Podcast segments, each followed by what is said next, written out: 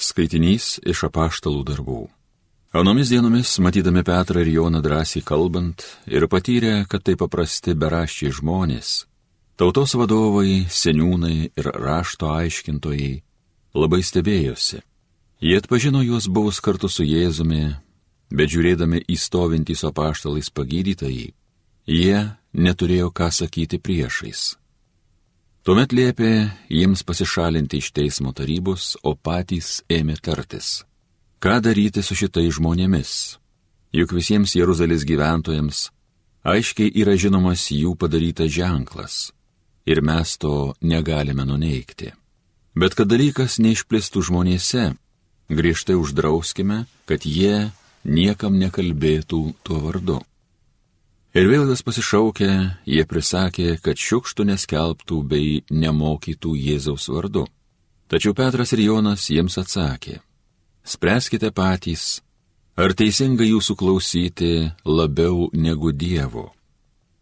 Juk mes negalime tylėti apie tai, ką esame matę ir girdėję. Prigrasinę, jie paleido juos, nes nerado už ką bausti.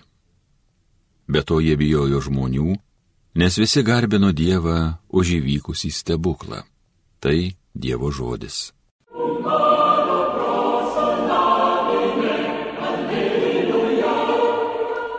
Viešpatie, tau dėkoju, kad mane išgirdai.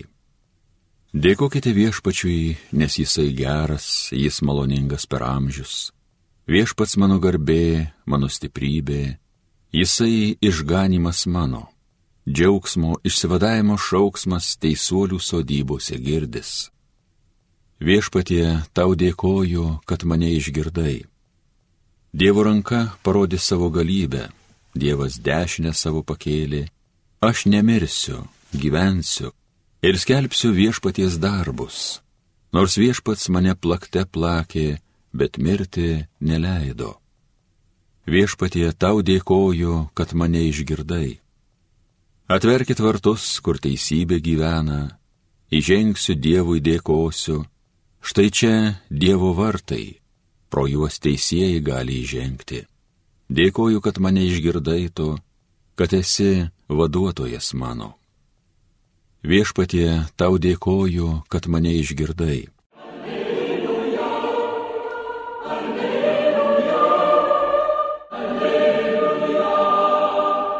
Šią dieną laimingą viešpats padarė, džiūgaukim, kelkim linksmybės. Alleluja, alleluja, alleluja. Pasiklausykite Šventojios Evangelijos pagal Morku. Prisikėlęs anksti rytą, pirmąją savaitės dieną, Jėzus pirmiausia pasirodė Marijai Magdalietei, iš kurios buvo išvaręs septynis demonus. Ji nuėjusi pranešė jo bičiuliams, kurie gedėjo ir verkė. Tie išgirdę, kad jis gyvas ir kad ji pati jį mačiusi, netikėjo. Paskui Jėzus pasirodė dviem iš jų kelyje į kaimą tačiau kitokiu pavydalu. Ir šitie sugrįžę paskelbė visiems, bet ir jais anie netikėjo. Galop pasirodė visiems vienuolikai, kai jie sėdėjo už stalo, priekaištavo jiems už netikėjimą ir širdies kietumą, kad netikėjo tais, kurie buvo matę jį prisikėlusią. Ir jis tarė jiems, eikite į visą pasaulį ir skelbkite Evangeliją visai kūrinyjei. Girdėjote viešpatie žodį.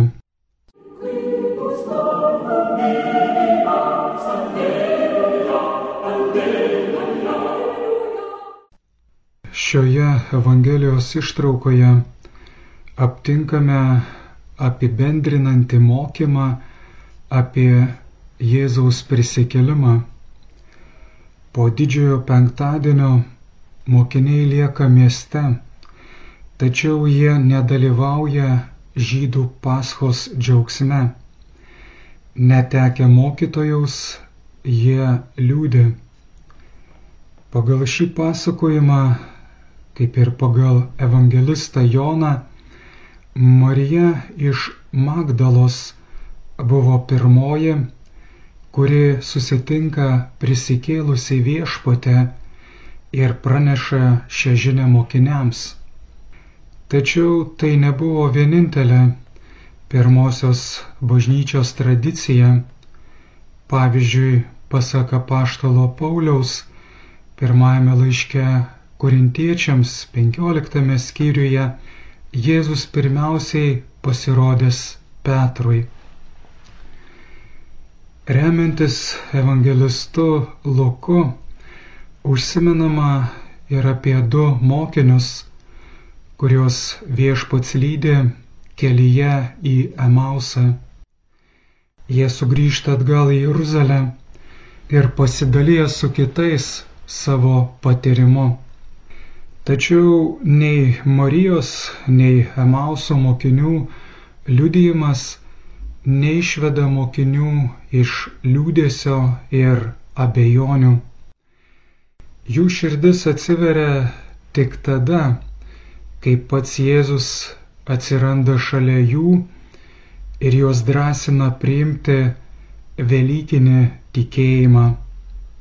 Tad nenustabu, kad ir šiandien reakcija į šią žinę yra panaši.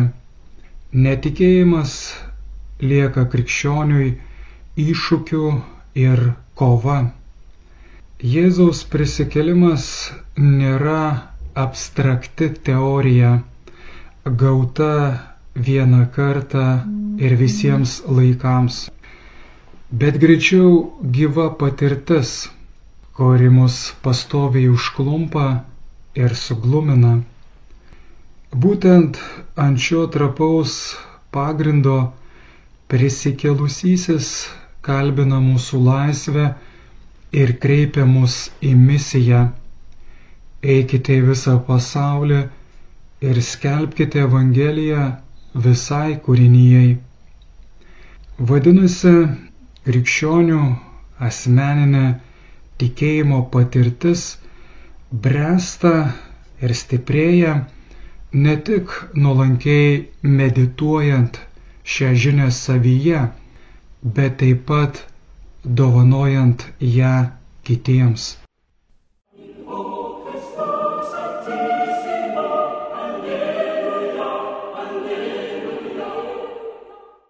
Homilyje sakė brolis pranciškonas kunigas Ramūnas Mesgiris.